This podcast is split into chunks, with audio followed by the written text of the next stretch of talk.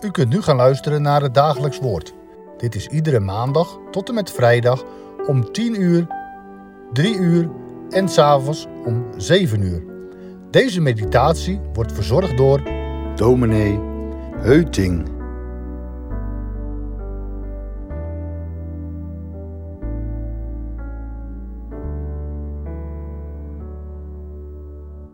Ademloos luistert het publiek. Jezus' verhaal maakt indruk. De gelijkenis van de wijngaard roept iets in de mensen wakker. Zeker hier op het Tempelplein. Want bij binnenkomst hebben zij de afbeelding van een wijnstok gezien. Uitgehakt hoog in de stenen op de muur. En die wijnstok is immers beeldspraak voor Israël. Dat hebben we gisteren gehoord. Wat zal de wijngaardenier nu doen? De pachters ombrengen en de hof aan anderen geven? Of misschien beter nog, alles maar opgeven? Was hij maar nooit aan dit project begonnen? Zo zal het gaan tenzij er een wonder gebeurt. En nu heeft Jezus het over het wonder. We lezen het in Lucas 20, vers 17 tot en met 19. Maar hij keek hen aan en zei: Wat betekent dan dit, wat geschreven staat? De steen die de bouwers verworpen hebben, is tot een hoeksteen geworden. Ieder die op deze steen valt, zal verpletterd worden. En op wie hij valt, die zal hij vermorzelen.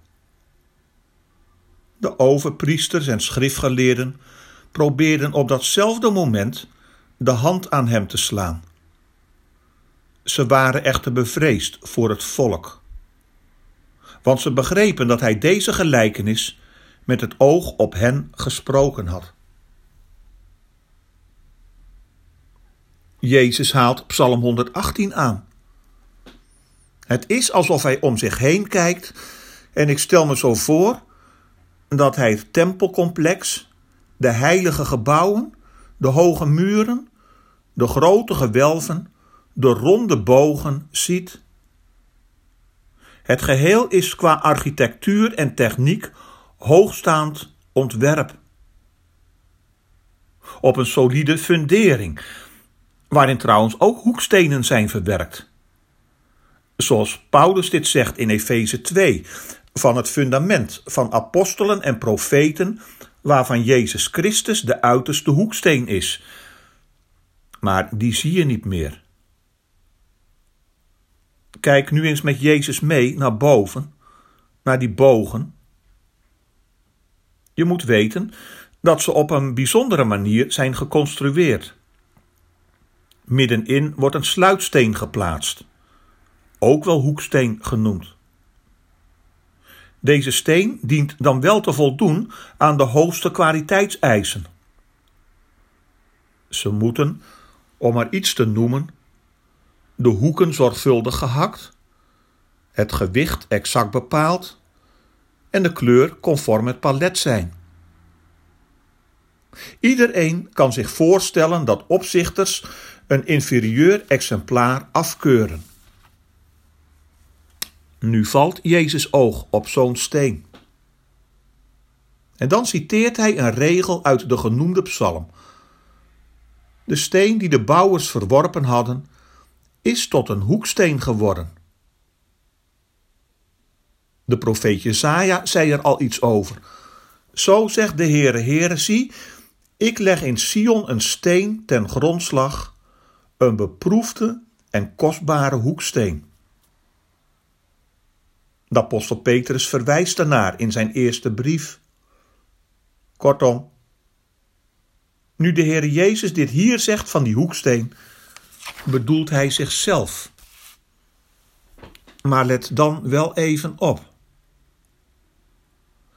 Zoals een opzichter op een bouwplaats bouwmaterialen goedkeurt en afkeurt, zo keuren, laat ik zeggen tussen aanhalingstekens, deskundigen deze sluitsteen af en werpen hem bij het puin. En zo wordt de sluitsteen een struikelsteen. Apart, niet waar? Wonderlijk in onze ogen, zingt de psalm verder. Wonderlijk omdat de Heere God toch doorgaat op zijn unieke manier in de Heer Jezus Christus via kruis en graf. Jawel, zover gaat ondertussen ook de afkeuring van mensen. Straks scandeert de massa weg met hem. Kruis en graf vormen de puinhoop. En toch, Jezus gaat door de dood. En straks wekt de Vader de Zoon op. Hij verwerkt hem die verworpen wordt als hoeksteen. Onbegrijpelijk. En toch. U ervaart dit, hoop ik, toch niet als irritant. Jij laat de Heere God toch niet als hemelse architect en bouwer te vergeefs staan? Wie zou aan zoveel liefde voorbij willen gaan? Ik zou het niet doen. Je loopt namelijk risico. Dan struikel je over de hoeksteen. Dat zegt de Heer Jezus.